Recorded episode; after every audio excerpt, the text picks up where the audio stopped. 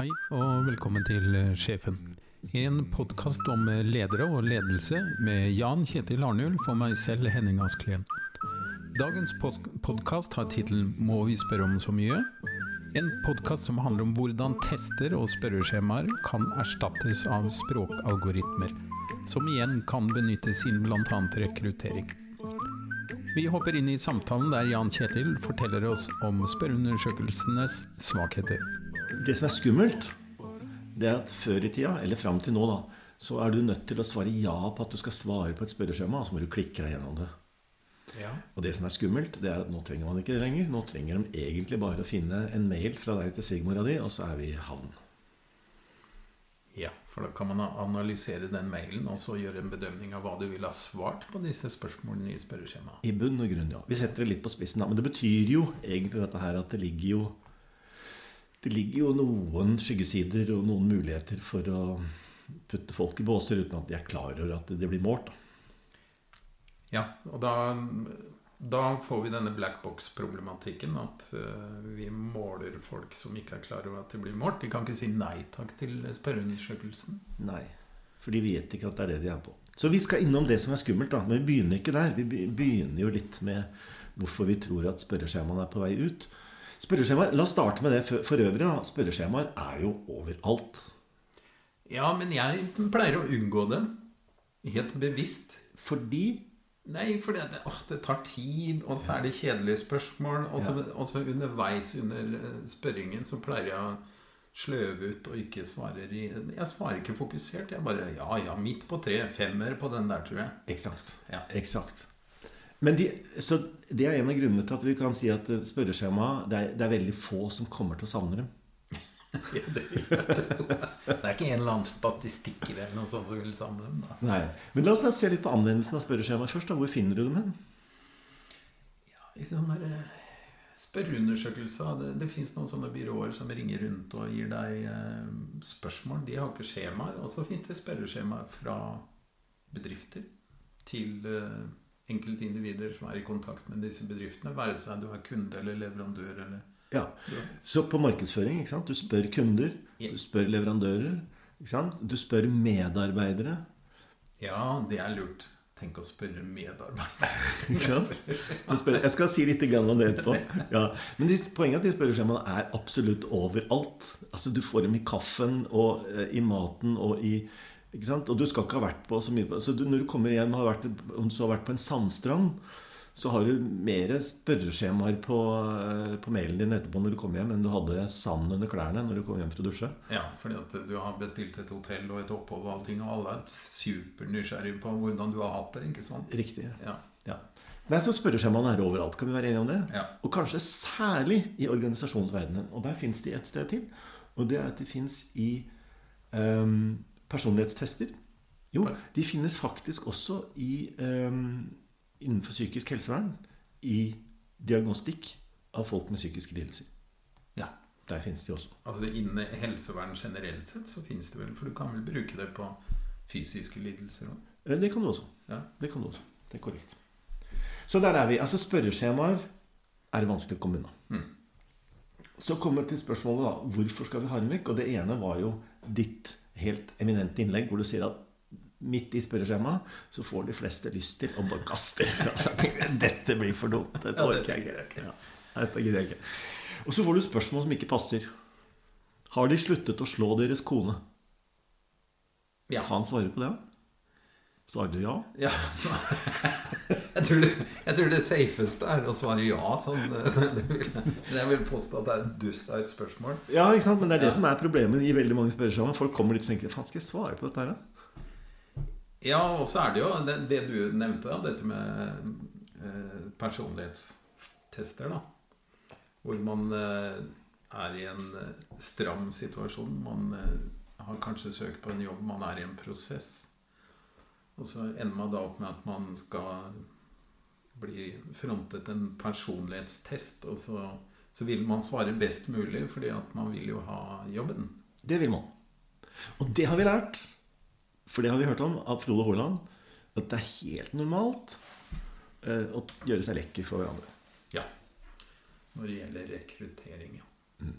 Så der er jo ting Men så kommer det spørsmålet hvorfor vil du ha litt spørreskjema. Og her kommer det noe rart. Nå skal jeg prøve også Du er jo ingeniør, Henning. Mm. Du kan dette med tall. Det føler jeg på meg. Mm. Du har regna. det er telten en gang iblant. Ja. Nå skal jeg forestille deg deg sjøl nå. Ikke sant? Begynn på et spørreskjema, og da vet du at du, det første du får, er opp sånne svaralternativer sånn, som går fra 1 til 5, eller 1 til 7, eller 1 til 9, eller sånn. ikke sant? Ja. På en skala fra 1 til 9, i hvor stor grad føler du at elektrisk gitar er noe for deg? Ja, ikke sant? Så det er et tall. Og dette tallet brukes til matematikk etterpå. Så vi gjør masse matematiske øvelser med det, og så kommer tallet tilbake igjen i form av en eller annen beskrivelse av deg. da. Ja, så, Er du med? ja. Ja. Og da, med disse tallene de er jo, Når du driver og måler Du er jo elektroingeniør, så når du driver og måler ohm og så, liksom motstand og ampere og sånn, så er jo disse tallene noen ting. ja de, er, eh, de er mye mer konkrete enn eh, følelsen av om jeg trenger elektrisk gitar. Ikke sant? Og der kommer, der kommer spørsmålet inn. For tenk deg nå at eh, du skal pusse opp. Nå gjør jo ikke du det, har du sagt, da, men du tenk deg at du skal pusse opp. Ja. Og så eh, skal du da male en vegg gul. Mm. Og så rusler du ned her på Fargeriket, og så bestiller du da en butt med gulmaling. Ja. Og eh, den ivrige selgeren på den andre siden av disken sier ja, det kan du få. skjønner du. Her har vi fin gulmaling, men hvor mye trenger du? Og så sier du det hadde jeg skulle ønske meg at du kunne fortelle. Og da spør jo selvfølgelig selgeren hvor stor er veggen som du skal male. Ja. Og så sier du den er en firer. Ja, den, føler, den føler jeg er fire, faktisk. Ja, sant? For da kommer spørsmålet tilbake på Ja, er den fire kvadratmeter, eller hva er den? Så, nei, det veit ikke jeg noe om. Kvadratmeter har ikke jeg peiling på. Ja, en fire altså, Nei, jeg fire føler han er fire. Ja, ikke sant? Jeg føler at det er en firer. Ja. Ja, for at den er litt mindre enn veggen i stua, for den er kjempesvær. Men den er mye større enn veggen på dass. ja. Og den på dass, den er toer, og den i stua burde jo vært en sekser. Ja, ikke sant? Og da, da sier det seg sjøl at det er ikke en veldig presis måling med det tallet. Nei, én til ni på eh, om jeg burde ha gitar. Ikke sant? Ja. Og da viser det seg det, og dette er gammel sånn psykologiforskning, da, sånn som jeg har lært en gang i tida, det viser seg at de svaralternativene de er egentlig ikke tall. De svaralternativene er egentlig utsagn som du gjør. Så du sier 'Jeg har lyst på elektrisk gitar'. Ok, hvor lyst har du på det? da? Jeg har ganske lyst. Ja, Er det sånn at du vil betale alle feriepengene dine for å få en gitar? Nei, så lyst har jeg ikke på den gitaren, ikke sant? Sånn at eh, Men, da, men da kunne du jo egentlig ha målt, eh, målt eh, lyst på gitar som eh, prosentandel av feriepenger i teorien. Da. du I kunne, teori- I teorien kunne I teorien kunne det det. Men da er jo et nytt spørsmål som kommer bakenfor der igjen, og dette skal vi snakke om etterpå. Det er Tror du at gitarer er like viktige for deg som de er for prester, prostituerte og leiesoldater? Vi skal snakke litt om de prestene tror og prostituerte etterpå. Men Ja, jeg tror leiesoldater er mer opptatt av gitarer. Kanskje sånne, sånne moderne prester, eller sånn som var moderne på 70-tallet. ja, det er jo helt klart at det, det er noen av de som helt sikkert, og sikkert leiesoldatene, kunne tenke seg en gitar. Men det jeg vil fram til, er at selv om, selv om vi hadde klart å fastsette gitaren i prosenter av feriepengene dine, Ja. så kommer det jo an på hvor store feriepengene dine er. Og øh, det vil si at disse tallene som vi bruker, de er kanskje ikke noe veldig presist instrument for å beskrive hvor lyst du har på noen ting. Så det det koker ned til, da, for å være veldig konkret, det er eh, at folk kan si Ja, jeg har så lyst på gitar at jeg ville forsake veldig mye annet for å få en. Eller folk vil si Jeg kunne godt tenkt meg en gitar hvis jeg bare slapp å betale så jævla mye for den. Ikke sant? Det, og det er egentlig det som sånne utsagn på de spørreskjemaene handler om. Det er eh, at jeg kommer med en, en beskrivelse av meg selv som ikke er et tall. Det er bare en beskrivelse av meg. Ja, jeg liker av og til å spille på gitar, men jeg gjør det så sjelden at jeg gidder ikke å betale så mye for det, og så får jeg vondt i fingrene. Da skjønner du at du har ikke så veldig lyst på gitar. Nei, men fortsatt kan du svare fem. Ja, Tallet er ikke så viktig, men det vi hører, er at du faktisk sier at du har det sånn. Men tenk på, eh, tenk på psykiske lidelser. da Hvis folk spør sånn ja, 'Åssen går det med deg for tida?' Så sier de «Øh, 'Det går eh, bra'. Ikke sant? Og så, ja, hvor, hva betyr det at det går bra? Uh, jeg veit ikke riktig. Ja, Så spør vi mer kommer du da opp av senga om morgenen. Ja, sånn i tolvte, ja. ja ikke sant? Skjønner du hva jeg mener? Ja, ja. Og det vi begynner å gjøre da, er at da begynner vi å lage egentlig det du kan kalle for diagnostiske kriterier, f.eks. på depresjon eller sosial angst. Og de er ikke tall, de er en beskrivelse av hvordan du har det. De er ord. De er ord. Det er akkurat det. Og det er jo sånn at Grunnen til at de spørreskjemaene begynner å forsvinne, og det kan vi allerede se i forskningen, da, det er at vi har nå dataprogrammer som kan jobbe med de ordene. De tallene det er ikke mange som er klar over, de tallene var en fyr som het Rensis Likert, som begynte med i USA i 1931. Det er en gammel, gammel teknologi.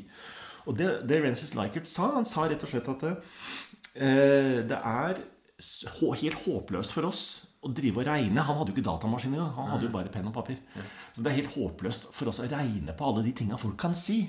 Derfor er det mye enklere for oss å redusere alt det de sier, til en gruppe med tall, og så kan vi sammenligne dem. Overforenkling. En ekstrem overforenkling. Så det som, eh, det, det som, vi nå har fått, da, er jo noe som var helt science fiction for Likert i 1931. Datamaskin. Eksakt. Datamaskin. Og vi kan få datamaskinen til å forholde seg til hva folk sier. Det må vi snakke litt om. Ja, men det er også ganske nytt. Det er egentlig ganske nytt. Og det har vært noen ting som man har holdt på med jo et par tiår. Altså det kalles for altså da eh, naturlig språkprosessering. Mm. Det er jo liksom det man har prøvd å få. Da, få den der dumme datamaskinen til å skjønne hva du sier. Mm. Og nå, hvis du er helt ærlig, jeg er helt sikker på at du har prøvd å prate til en sånn der chatbot eller Siri eller et eller annet sånt. noe. Ja, jeg har prøvd Siri en gang, men hun var ikke noe for meg. Nei, men Siri eksisterer, og det eksisterer småverktøy som Det er masse sånne. Folk snakker til bilen sin. Jeg kan snakke til bilen min. Jeg, jeg, jeg har en eh, kompis, og han, han, har en helt annen bil enn meg. Han snakker til den, han òg. Ja, men jeg syns jo sånn som Mercedes eh, Den er så formell. Du må si 'hei, Mercedes' før du Dr. Daimler. Du må snakke litt på tysk. ja. Antagelig. Ja, så da får, du, da, får du tak i, da får du tak i de indre innstillingene og få den tuna opp 30 hestekrefter, tenker jeg. Ja, ja, ja. Nei, nei altså, sånn sett så tror jeg det er enklere å snakke med Elon Musk. Da han er liksom litt mer freewheeling. Ja. Um, men du kan snakke det, ikke sant? Så du kan si til bilen i dag så kan du si ikke sant, 'manøvrer hjem', eller uh, 'spill Bee Gees', eller hva slags bisarre ønsker du har. Jo, men det der er veldig korte kommandoer. Ja. Og du må også si dem veldig presist. Altså ordstillingen din må være noenlunde riktig. Det er ikke så mye Den er ikke så tolerant. Ja, nå skal vi eh, fortelle deg noe som er fælt. Ja. For det er nesten bare på um, når det er muntlig. For det er et tilleggsproblem at den må kjenne igjen uh, hva du sier. Ja. Og hvis du snakker østfolding på toppen av det hele, så blir det fælt. Men i, det, jeg kan, det, jeg kan, si er at i, på tekst så har du noe som heter bag of words approach, altså en sekk av ord. Den blåser i ordstillinga di. Ja, men det, det, på, det fungerer på, på, på, skriftlig og på tekst, men det fungerer ikke muntlig. Det er vanskeligere, for du får det tilleggsproblemet. Da, at den ja. skjønner ikke um, tilleggslyder. Og, altså, så, men det kommer. jeg tenker at det kommer. Men det som allerede er der, det er på tekst. Så hvis du ber folk begynne nå å krafse ned noen ting, mm så kan, har vi nå tekstalgoritmer som kan finne ut av ganske mye før du i det hele tatt har svart på noe. Så du kan tenke deg I gamle dager da, så var det sånn at hvis du kommer for eksempel, da skal på jobbintervju, så kunne du i gamle dager så kunne du si at jeg har fylt ut denne personlighetstesten så lenge. Og så kan du nå istedenfor si at ja, men se her, eh, ta denne iPaden, og så setter du deg ned med tastaturet her, og så skriver du litt om deg sjøl og hva du er interessert i og opptatt av. Mm. Så kan du bruke den friteksten, og før du har egentlig rukket å komme inn på intervjuet, så har altså mye av dette, denne informasjonen den har da allerede eh, er tilgjengelig for analyse. Så vi kan snakke litt om hvordan det gjøres. Da. Det høres jo rart ut, men jeg kan forklare litt hvordan det foregår. Mm. Det er, en, det er, jo en, jobb som mennesker har gjort før. Da. Du kan jo lese, du kan jo lese det andre har skrevet, og særlig hvis de har skrevet mye, så får du jo fort et inntrykk av hvilken type person det er. Særlig når de beskriver seg selv, og de beskriver det ja, på, en, på en, spe, en, spesifikk måte. Da. Ja, Men nå skal jeg fortelle, her kommer tallene tilbake igjen på en litt guffen måte. Ja, det var, jeg hadde tenkt at vi var kvitt de tallene. Ja, du, du, er det. Du slipper å forholde deg til dem. Du lar datamaskinen bruke dem. ikke sant? Vi har folk til slikt. Sånn antar vi folk til. Ja. Greia er det at um, hvis du sier f.eks. at uh, jeg vil ha en person som er veldig opptatt av ny informasjon, en som er liksom helt uh, umettelig på nye, spennende ideer og teorier, så beskriver du det, den personlighetsegenskapen der sånn. Mm. Okay? Så det betyr at da har du en standard. Vi, har, vi, vi, lager en standard for hvordan vi mener at en sånn person skal være. Du kan lage en kort eller lang tekst som mm. beskriver hvordan en sånn person skal være. Mm. Eller hvordan dette, denne personlighets Om det er en tilstand eller et trekk, spiller ikke noen rolle, men du beskriver hva er det vi leiter etter. Mm. så er det altså sånn med denne bag of words-approachen at den kan gå inn og se på andre tekster for å se i hvor stor grad ligner dem. Og det som er helt nifst, er at du kan da få et tallmessig uttrykk for hvor nært det den personen der beskriver, kommer den standarden du leiter etter. Og det er faktisk akkurat det samme som testene gjør. Testene gjør akkurat det. De har en standard for et personlighetstrekk, og så sjekker de meg om de poengene du får på den testen, er lik den standarden du leiter etter. Det er akkurat det samme. Så det er noen svensker, da. I Nå. Lund, ja, nå er nå igjen. I Lund, av alle steder. Eh, og de har jo eh, drevet en del forskning som ligner veldig på den som jeg har drevet. Så jeg har jo fulgt med på den. Synes dette er veldig moro. Og de svenskene de har vist at du kan nå bruke akkurat den samme teknologien som jeg har brukt til andre ting. Vi skal komme tilbake til etterpå. Men eh, de har vist at du kan Hvis, hvis du, har, hvis du veit hva du leiter etter, og det er jo forutsetninga Du må vite hva slags type person du leiter etter. Så lager du en beskrivelse, en litt sånn tett og systematisk beskrivelse av den eh, enten en tilstand eller en, et trekk hos den personen. Og så lar, samler du inn selvbeskrivelser fra folk, og da klarer den å ordne omtrent eh, like presist som en personlighetstest hvor nært de beskrivelsene er det du leiter etter. Mm.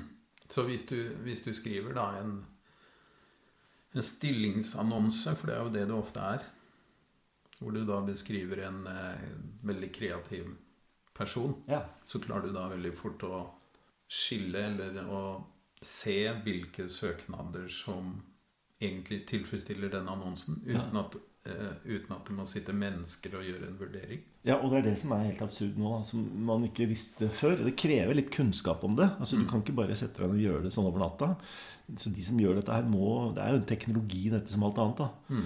Men uh, i prinsippet så er det nå mulig at hvis du klarer å skist, altså beskrive godt nok hva slags person du leter etter, som jo egentlig er hovedsaken for deg Dette er viktig for meg. ikke sant? Dette er, dette er en eh, person som skal ha sånn og sånn, ikke bare kvalifikasjoner, men dette er den typen personlighet, interesser, motivasjon jeg leter etter. Egenskaper. Ja, så eh, kan du nå lage tekstanalyseverktøy som går ut og eh, sier i hvor stor grad matcher denne teksten her den egenskapen som jeg leter etter. Eller de egenskapene som den personen har. Hvis, hvis, hvis du tar et eksempel her, da. Du har, en, eh, du har klart å beskrive en stilling med helt klare egenskaper, gjort det på en måte som er tydelig. tydelig.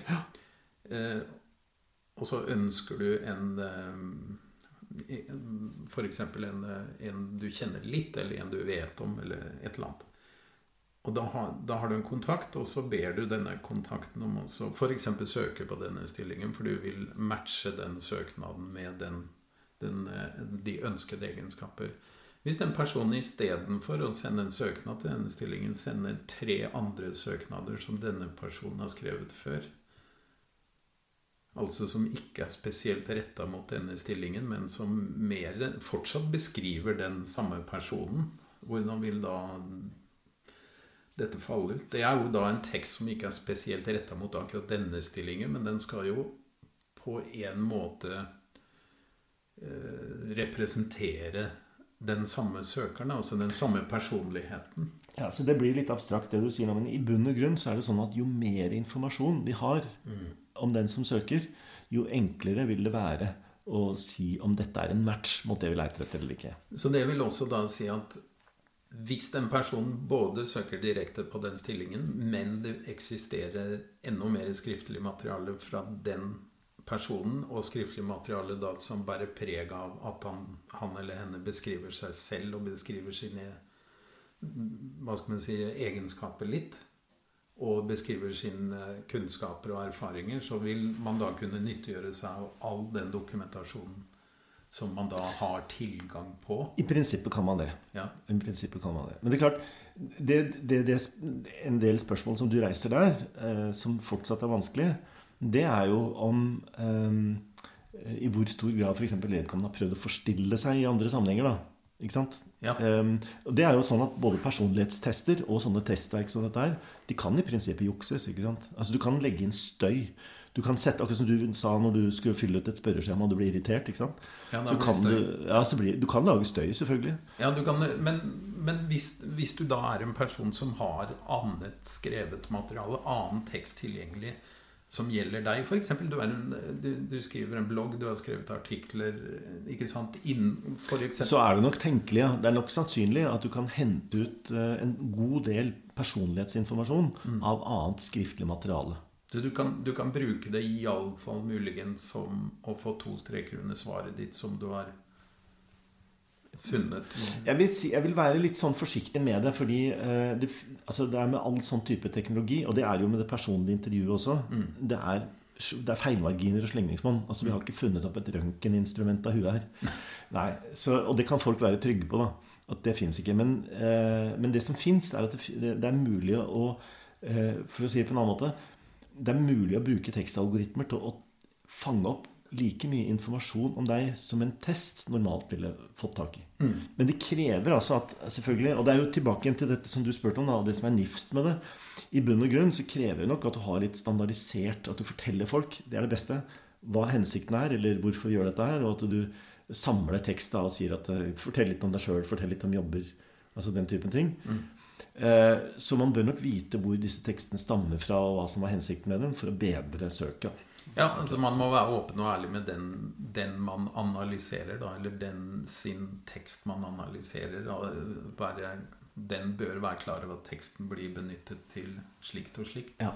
Men hvis du tenker altså, Skal vi si litt om det som er skummelt oppi her? Ja. vi bare ta det akkurat nå? Ja. Det er klart at eh, de, du legger jo igjen veldig mange tekstspor på nettet i løpet av et år. Og stort sett om folk i dag da, som har en, en, et liv på nettet, så kan det være kommentarfelter, det kan være blogger, det kan være artikler, altså ting folk skriver og legger ut. Um, og så er det jo tenkelig at man kan begynne å, å analysere det. Og da er det sånn at det f.eks. de gjør i markedsføring av den typen her, det behøver ikke være så veldig presist. Altså De kan godt bomme litt på deg, men hvis de, hvis de analyserer veldig mange menneskers informasjon, så, eh, så, så får de tak i nok til at de skjønner at dette er omtrent en gruppe med kunder. Så de begynner å sende informasjon. ikke sant? Så har de bomma på akkurat deg, da, for at, at, at du skulle ikke ha filttøfler.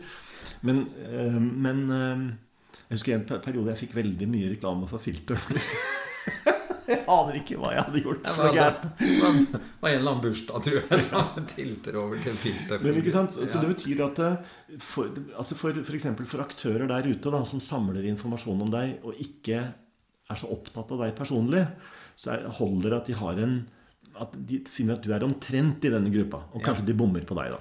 Ja, og, og det er ofte ikke så stor skade å bli tilbudt litt for mange sett eller far med filttøfler. Nei, ikke sant? ikke Det er så farlig. Så det er litt sånn. Og det, de fleste av oss opplever jo det i forskjellige typer tjenester, at du får rare tilbud som du ikke hadde tenkt på. Ikke sant? Ja. Men det er klart at i det øyeblikket du f.eks. hadde vært en arbeidsgiver og skulle bare ha en, en, en liten gruppe med håndterbare kandidater, så ønsker du ikke 200 perifere kandidater. Du ønsker å liksom eh, utarbeide litt informasjon fra la oss si 10-15 tenkelige personer da, som du føler at du har lyst til å vurdere å komme nærmere i kontakt med. Og det krever nok at du har en mye mer Det snakka vi om med Frode Haaland også, at du trenger en mer standardisert og strukturert tilnærming. Og da er det også litt etikk med i spillet. At de, de menneskene som du er ute og, og interesserer deg for altså Du bør jo være etterrettelig og transparent. ikke sant? Og prate med dem om hva du har fore, sånn at alle parter veit hva som foregår. Men likevel så er det jo kanskje lettere uansett å be folk skrive litt om seg sjøl enn å, enn å liksom holde på med disse testene. da. Ja, det vil jeg tro, fordi testene er jo Altså Hvis du har tatt de testene noen ganger, så, ja, så begynner du å bli dreven til det. Og hvis du da fremstiller deg selv som en hyggelig og omgjengelig fyr, så Det, det, er litt, nå er jeg en person som har gitt en del mennesker tilbakemelding på tester i løpet av livet. Jeg regna med det. Og, og, og det er sånn at eh, hvis du eh, Folk får ofte et testresultat, også er et tall. Hæ? Ikke sant? Her får jeg 58 på E. Hva betyr det? Det er jo ingen som står opp om morgenen og ser seg i speilet og har 58 på E. Så da må jo psykologen til oss forklare da, at ja, du er kanskje ganske utadvendt. da. Men ikke sånn kjempe, men ganske utadvendt. Ja. Hva stemmer det? Så sier vedkommende ja, jeg sa jo det at jeg egentlig liker å gå på fest. da. Ja, ikke sant? Det var akkurat det. Ja, holder ikke ut at vedkommende sier at han liker å gå på fest. da. Hva hadde han vært nødt til å ha 58 på E? skjønner du? Og så kan du si ja, men det er ikke bare det, da. Jeg sier jo at jeg liker å gå på fest, men jeg er jo ikke den som går sist hjem. Nei, det er det jeg sier den var ikke, Scoren var ikke sånn kjempehøy. Ja, ikke sant? Jeg syns det er ålreit å gå på fest. Jeg liker meg det, så liker jeg å gå hjem etterpå. Ja, fint. Du er sånn passe ut av den. på, på neste test så kan jo den samme personen da si Nei, denne gangen vil jeg jaggu ha høyere score. Han kan være litt sånn tallorientert til den andre vennen. Han vil ha høyere score på akkurat dette her. Så da sier han da at Nei, jeg går sent hjem, jeg. Nå får jeg høy score. Ikke sant? Og det er, og der er sånn at alle sånne tester da, de har jo eh, diverse feilmarginer. Det er jo veldig ofte at disse som bruker testene, ikke er godt orientert om de feilmarginene. Og de kan ha mye rart å si om det. Ja. Så, men hele poenget til disse svenskene som har jobba med den forskningen i bunnen, det er jo at feilmarginer vil det finnes hele veien. Det er feil med å bruke tekstalgoritmer også, men feilene er ikke noe større. De er bare ørlite grann annerledes. så det er bare en annen måte å gjøre det på. Så summa summarum da, så handler jo dette om at tekstalgoritmene de gjør det mulig å bruke skal vi si, mindre påtrengende teknikker. Mindre underlige teknikker, altså disse her tallene og disse greiene her. Men samtidig være åpen og transparent. Det, det går an. ikke sant? Ja. Det spørs i hvilken kontekst du gjør det. Og så Ja. innebærer det selvfølgelig en fare for spionasje og sniking på andre. For du kan jo, hvis du får rappa bloggene deres eller e-postene deres eller gud hjelpe meg andre ting de måtte ha skrevet, så det er klart at det Så, så det, det sier litt om faren men der, ramler vi jo, der ramler vi jo mer inn på dette med kunstig intelligens, da, AI. Ja. Eh, Det, er, det er jo et buzzword for tiden, og det er veldig skummelt. Ja. Eh, og da eh, Det at man kan bruke et verktøy til å skanne gjennom bloggene til en influenser Denne influenseren har jo eksponert all teksten sin allikevel på nettet, så det kan man istedenfor å bruke AI, altså en maskin, så kan man bruke Jan Kjetil Arnulf, en psykolog, som kan lese gjennom all teksten til denne influenseren og danne seg et bilde at denne personen er nok noe i nærheten av men ikke som tall, men du kan antagelig beskrive denne personen litt. Fordi at AI gjør jo ikke noe annet enn det mennesker gjør. Det Nei, bare gjør det det mye riktig. fortere og mye enklere og stabler det mer i henhold til en standard. Og, og du får fjerna da den, det som vel heter cognitive bias. Altså jeg som leser det, er jo også en personlighet. Det er riktig. Og det, det som det som, det som er litt viktig oppi dette, her, det er at det maskinen gjør som mennesker ikke gjør, og selv ikke en trena psykolog, Mm. eh, det er at vi, vi blir veldig fort slått ut f.eks. av førsteinntrykket, inntrykket, som er sånn bias. Mm. Eller om du har gjort meg en tjeneste før, eller om du går med en skjorte som jeg syns er eh, snål. eller altså? Vi, Mm. selv ganske trenede psykologer, viser det seg, har jo en veldig begrenset mengde kognitiv kapasitet, altså hva du klarer å beholde i huet samtidig. Fordelen med faktisk med noen av disse algoritmene og noen sånne digitaliserte verktøy, er at riktig eller gærent så er de i hvert fall standardiserte på sitt vis. Det vil si at du blir målt med den samme standarden. I motsetning til å bli målt med en strikk som da den som måler, strekker ut ulikt for hver person han møter. Så eh, for eksempel da, så er det klart at hvis du har et problem med tunga, så vil jo folk tenke at du er dum. Altså hvis du, så Det er sånne ting som kommer opp og har, liksom skaper eh, kan du si da, forvrengte inntrykk av andre mennesker. Og det åpner jo, sånne ting åpner for kjønnsdiskriminering, rasediskriminering Handikappa Handikap, altså, blir jo diskriminert av den. Riktig. Ja. For ikke å snakke om folk som lyder som Raymond. Så vi Tenker du han i Fredrikstad eller han i Oslo? ja. ja, men det er der, da. Så, så, så poenget er jo at eh, algoritmene gjør jo eh, riktig eller gærent, men man kan altså ettergå hvordan de virker.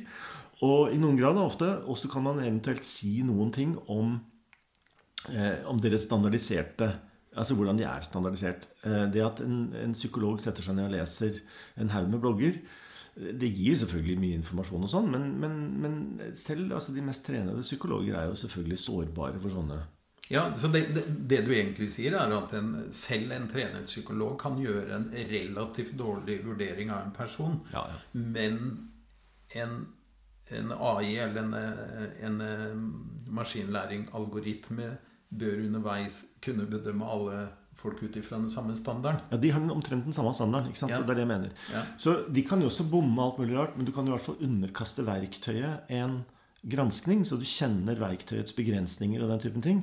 Det er jo også det tester gjør. Med, altså folk skal være klar over. Psykologiske tester er jo Selv de aller beste psykologiske testene kommer med systematiske feil. Men de er i hvert fall dokumentert, eller skal i prinsippet være det. Så det er en av de store eh, fordelene da, med å bruke enhver strukturert tilnærming til sånt som dette er. Mm. At du, du, du veit hva strukturen er. Alle blir målt på den samme strukturen. Og, og feilmarginer og sånn skal være ettersporbare for alle, da. Så, I hvert fall i noen grad. Mens det å møte en komité av folk som sitter og ser på deg, det, det kan jo være hva som helst. Altså. Jeg har jo vært Jeg har jo sittet i, i min tidligere psykologliv så satt jeg i fylkesnemnda for sosiale saker, og der sitter sånne legdommere og skal vurdere hvorvidt du eh, har alle koppene i skapet. Det er en tilstand Altså den situasjonen jeg ikke unner noen å være i. Altså.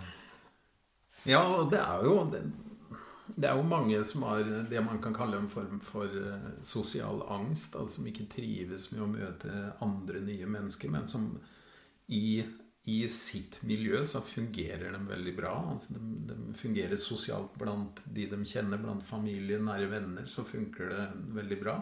Så får du disse på intervju, og så er det jo en Enten er de østers, eller så viser de en form for sånn, eh, hva skal man si, sånn passiv, eh, aggressiv eh, oppførsel i et intervju. Men så kan det jo være veldig egna arbeidskraft likevel. Ja. Så eh, det vi nå snakker om, da, det er som det er, På engelsk heter det uttrykket tekstmining. Eller altså det at du går ut og så driver du og sanker tekster. Da er vel kanskje en måte vi kan snakke om det på norsk. Å bruke den tekstsankinga til å tegne et eh, systematisk bilde. Fordi at datamaskinen orker, da, som vi er inne på nå, å holde et standardisert eh, oversikt over hva den teksten går ut på. Ja. Så det er klart, Fortsatt er det jo sånn at datamaskinen er heldigvis dum som et brød. Så vi må fortsatt fortolke den informasjonen som kommer ut. Men vi kan altså fortette den og standardisere den og bruke den på samme måten som vi bruker andre sånne organisatoriske måleverktøy. Ja. Det var tanken. Jeg tror det er veldig lett å falle for førsteinntrykket hvis du har veldig mye å gjøre. Du har mange du skal snakke med i løpet av en uke, mange kandidater, du har mye jobb. Førsteinntrykket er en veldig elegant og lett måte å bli ferdig med dagens dyst og dumt. Ja, ja. Og det er jo, ikke sant? Veldig ofte så gjør vi oss opp en oppfatning om folk på veldig kort tid. Altså. Ikke sant? 15 sekunder så har du, tenker du at du veit hvem du ser. Det sa jo når jeg hadde Frode innom også. Men jeg hadde en, et par ting vet du, som jeg hadde lyst til å snakke om i forlengelsen av dette. For det? Vi bruker spørreskjemaer til mye rart. Så en av, en av de studentene jeg hadde, hun eh, gikk inn i et jeg skal ikke nevne navn, men et stort norsk firma med operasjoner i mange land. Altså holde det der. Og så, eh, fordi at jeg har jo vært kritisk da, til disse spørreskjemaene, som sagt. Hvis du spør i dette firmaet, så spurte de altså tusenvis av ansatte eh, hva de syntes om alt mulig rart. Ting som handla om konkurranse, og ting som handla om sjefen, ting som handla om vilkårene på jobben. Og, alt, er med? Alt mulig sånn internt. Og dette firmaet som hadde laget spørreundersøkelsen, det er et av de store jeg skal ikke nevne navn på det heller, men et av de store firmaene i verden som tilbyr sånne spørreundersøkelser. Og dette koster penger. Masse penger. Ja. Og de sier jeg synes det er helt fantastisk, de sier dette er drivere. Vi, vi måler driverne av verdiskapning. Ja, ikke sant? For at de, sant? Når du får regnskapene, når du får resultat, da er det jo for seint. Ikke sant? Ja. Da, da foreligger Ja, jo alt. Hvis det gikk dårlig, så gikk det dårlig. Det er ikke så mye å gjøre om det. Hvis det gikk bra, så veit du kanskje ikke hvorfor det gikk så bra. Så de sier vi måler før det hender. Det heter altså driverne av ytelser. Okay? Og dette får en masse penger. Og de sier vi har jo benchmark. Ikke sant? Hva heter det benchmark på norsk? Nei, det heter Det benchmark. heter benchmark på norsk. ja, sant? Men de vei? De, de at vi veit hva tallene er. Ja. Og da tenker jeg jo stikk fingeren i jorda. Hvis du går ned på fargerike og sier at du skal ha en firer, hvor mye maling får du? Det er ikke lett å svare på. Nei. Så vi gjorde en undersøkelse av det. da.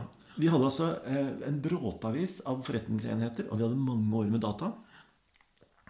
Hva tror du sammenhengen var mellom alle disse fine målene på disse driverne, som kosta millioner av dollar, og de finansielle resultatene i den bedriften? Ingenting. Og helt riktig. Og i den grad de var der, så var de negative. Ja, men det, det er på en måte pussig òg. For jeg vil, jeg vil tro det at hvis du setter i gang et sånt prosjekt i en, en, en, en stor bedrift, da, og, du, og du gjør det på riktig måte, så skaper jo en stemning om at nå, nå vi, er, vi er i gang her. Altså, nå bruker vi dette store konsulentselskapet med de fine spørreskjemaene, og vi skal finne våre drivere. Dette er ikke noen tøysebedrifter jobber i nå. Det er vi som står fram i skoa.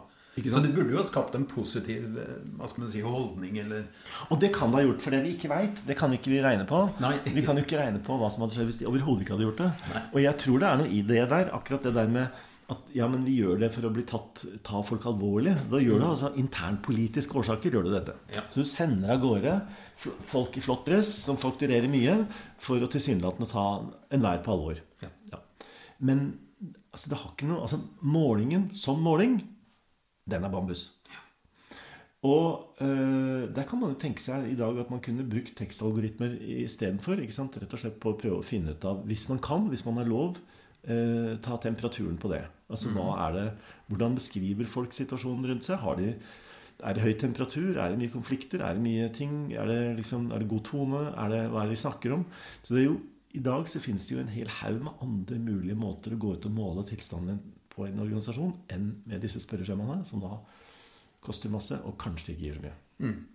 Så du kunne heller ha analysert f.eks. tekster i e-poster som eh, kundesupport sender til eh, kundene? Helt brennsikkert. Hvordan de kommuniserer. Og... Helt brennsikkert. Her er jo, Vi er tilbake. Vi, vi, vi, vi kikker litt over skulderen her i løpet av hvem som kommer inn og ser. Eh, fordi at her er jo Jeg husker ikke med regelverket, men det er jo skummelt. altså I en del land i verden så er det jo arbeidsgiveren som eier alt som er på e-postserveren. Så du kan ikke begynne å slette etter for godt befinnende der. Og det er litt sånn, Men det er helt klart, det kan man, og det, er, det fins verktøy for å gjøre der ute. Det er å gå og se på eh, sant, Lage analyser av e-post og annen type sånn utveksling, og se hvordan det grupperer seg. Der er, der er vel eh, mange i Norge litt sløve, fordi at hvis du, hvis du har jobben sin e-postadresse, altså du bruker jobbens domene, så bør jo faktisk eh, jobben ha en avtale med deg om at alt du skriver fra den e-posten og det du mottar i den e-posten, det er jobbens. Ja, Og så må du ha en egen privat hvor du driver med alt mulig annet privat. det bør du ha. Ja, og da, da på den måten så er det jo ikke noe Så lenge arbeidsgiver da sier klart ifra at eh, all e-post her tilhører jobben. Fordi at det, Og jeg tror faktisk hvis forvaltningsloven eh, Jeg håper å si den gjelder jo, og da tror jeg du kan ikke, må, du kan ikke sende mailer til eh, ansatte i det offentlige som, som de bare kan kaste. Det, Nei. det er, jo, det er jo kommunikasjon med det offentlige. Hvis du sender til Skatt Øst at du har, du har dessverre betalt litt for lite skatt i år, så vil du gjerne betale litt mer, så er det jo bra om den mailen blir igjen. Ja. Det er, det, det er en ting til oppi her som jeg tenkte jeg skulle prøve å fortelle om. Eh, og det er jo at eh, når folk sier noe om seg selv, apropos disse her eh, tallene, treere og firere og femmere Vi starta jo innledningsvis med deg og gitaren. Sant? Det er klart at et tall sier jo bare noe hvis du kjenner den sammenhengen de inngår i. Altså Hvis noen sier at jeg er villig til å bruke alle feriepengene mine på gitar, så er jo noe helt annet. Altså Hvis du har en relativt beskjeden jobb med et beskjeden feriepengegrunnlag, eller om du er administrerende direktør og, og subba inn fire mill. i fjor. Ja, absolutt. Ikke sant? Sånn at eh, hvis du får 400 000 i eh, feriepenger, så får du fin gitar. Du, får- du får vel den gamle til Mick Jagger eller Ja, et eller annet. da snakker vi samleobjekter. tenker jeg. Ja.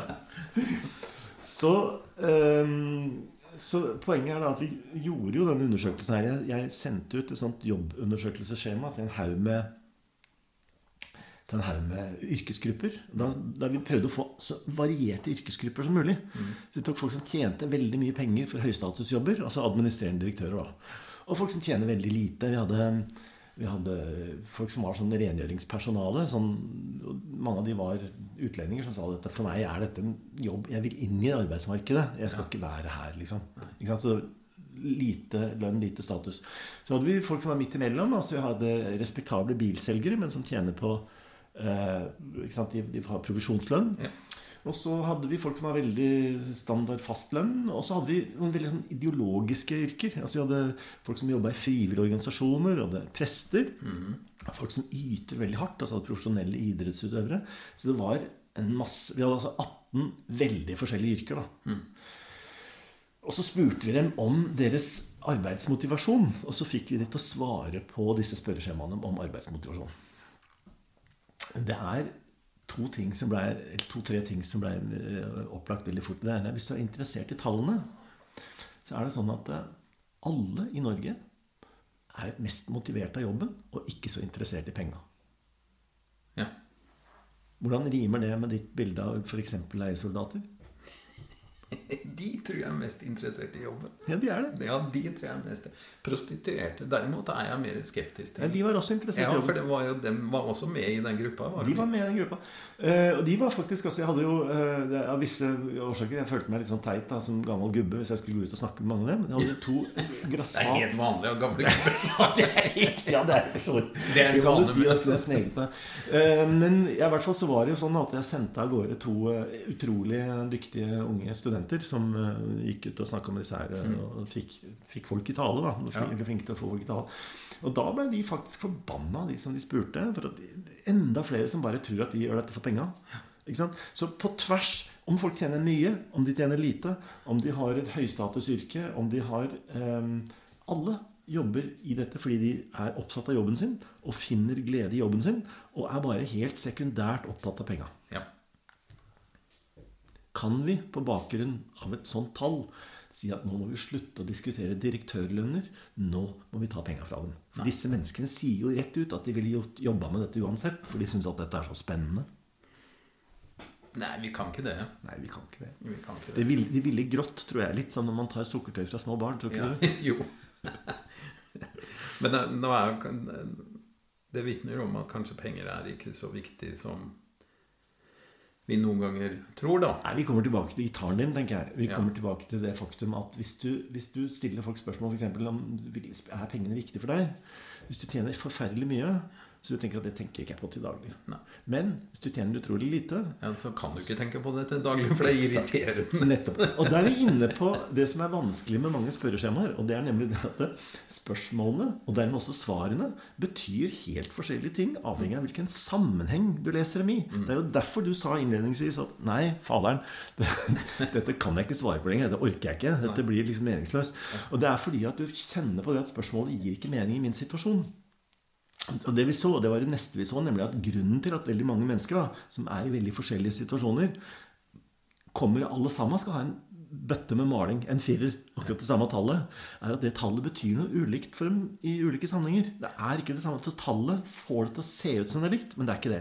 Så det vi kunne se, bruke tekstalgoritmene til å se, var at disse menneskene faktisk vrir og vrenger på spørsmålene. For det betyr noe annet For dem, ja. for dem, ja. Mm. Og, og, der og da. For, der tiden, og ja, for tiden er jo også viktig. Når, for du kan jo være i en, en setting hvor du eh, Hvor du er opptatt av helt andre ting enn du kanskje er om tre måneder. Helt eksakt.